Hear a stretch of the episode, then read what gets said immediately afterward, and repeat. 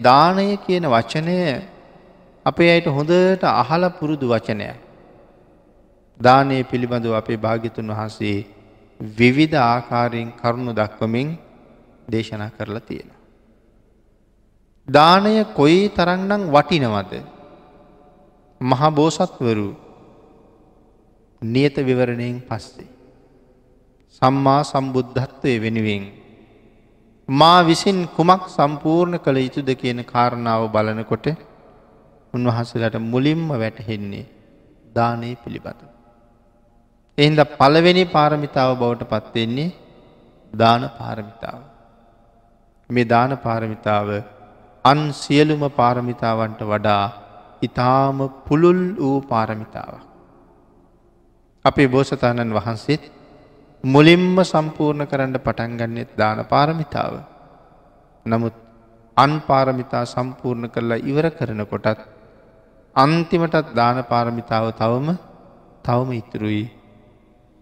මනුස්සලෝකයේ සම්මා සම්බුද්ධත්වයට කලින් ඉපදෙන අන්තිමාත්මෙතමයි බෙස්සන්තර මහබෝසතාණන් වහස. මේ මහපොලොව කම්පා කරව කරව දන්දීල තමයි අපවත් වනි. එමනගේ ඒ තරන් දාන පාරමිතාව බොහෝම පුළුල් වූ පාරමිතාව. අං ඒ නිසා මේ දානයේ ශ්‍රේෂ්ඨත්වය භාගිතුන් වහසේ බොහෝ වෙලාවට දේශනා කරලතිය. බොහෝ තැන්වල ඒ කාරණා වාර්ත ගන්වලා තියෙන. සමහර තැනක සඳහන් කළා දානම් භික්කවේ පණ්ඩිත ප්‍රඥ්ඥප්තන් කියලා. මහනිනි මේ ලෝකයේ දන් දෙනවන යමෙක් දන් දෙන්නේ පණ්ඩිතයෝය කියල පැහැදිලි කළා. දානය පිළිබඳව ලෝකයට කරුණු ගෙන හැර දැක්වපු අපූරු සූත්‍ර දේශනාවක් තමයි දක්කින විභංග සූත්‍රයේ. අති දීර්ඝ සූත්‍ර දේශනාව. නමුත් හරියටම දානයක් දෙන හැටි. හරියටම මුදුම් පත් කරගන්න හැටි. බොහෝ කුසල් ලැබෙන ආකාරය. කුසල් වැඩි වෙන හැටි මේ ආදී නොයෙක් කරුණු අන්තර්ගත කරපු අපූරතම දේශනාව තමයි දක්කින විභංග. අන්නේ දක්කින විභංගේ සඳහන් කරනවා එක ගාථාවක මෙන්න මේ විදිහට. යෝ සීලවා සීල වන්තේසු දදාතිදාන. දම්මේන ලද්දහං සුපසන්න චිත්තු. අභි සද්ධහං කම්ම පලං උලාරං තංවේදානං විපුල පලන්ති බ්‍රෝමී කියල. ඒ ගාථාව සඳහන් කරනවා දන් දෙන අයගාව තිබිය යුතු කරුණු පහක් පිළිබඳව. යෝ සීලවා සීලවන්තේසු දදාතිදා.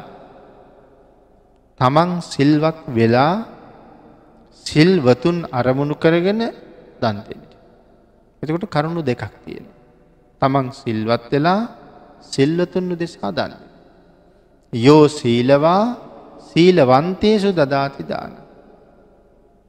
දම්මේන ලද්දන් තුන්ගනි කාරණාවක් තියෙනවා. ඒ දානය සඳහා තියන්න වූ වස්තුව බොහෝම ධාර්මිකව හම්බ කරගත්ත වස්තුවක් වෙන්ඩුව. දම්මේන ලද්ද. සු පසන්න චිත්තු.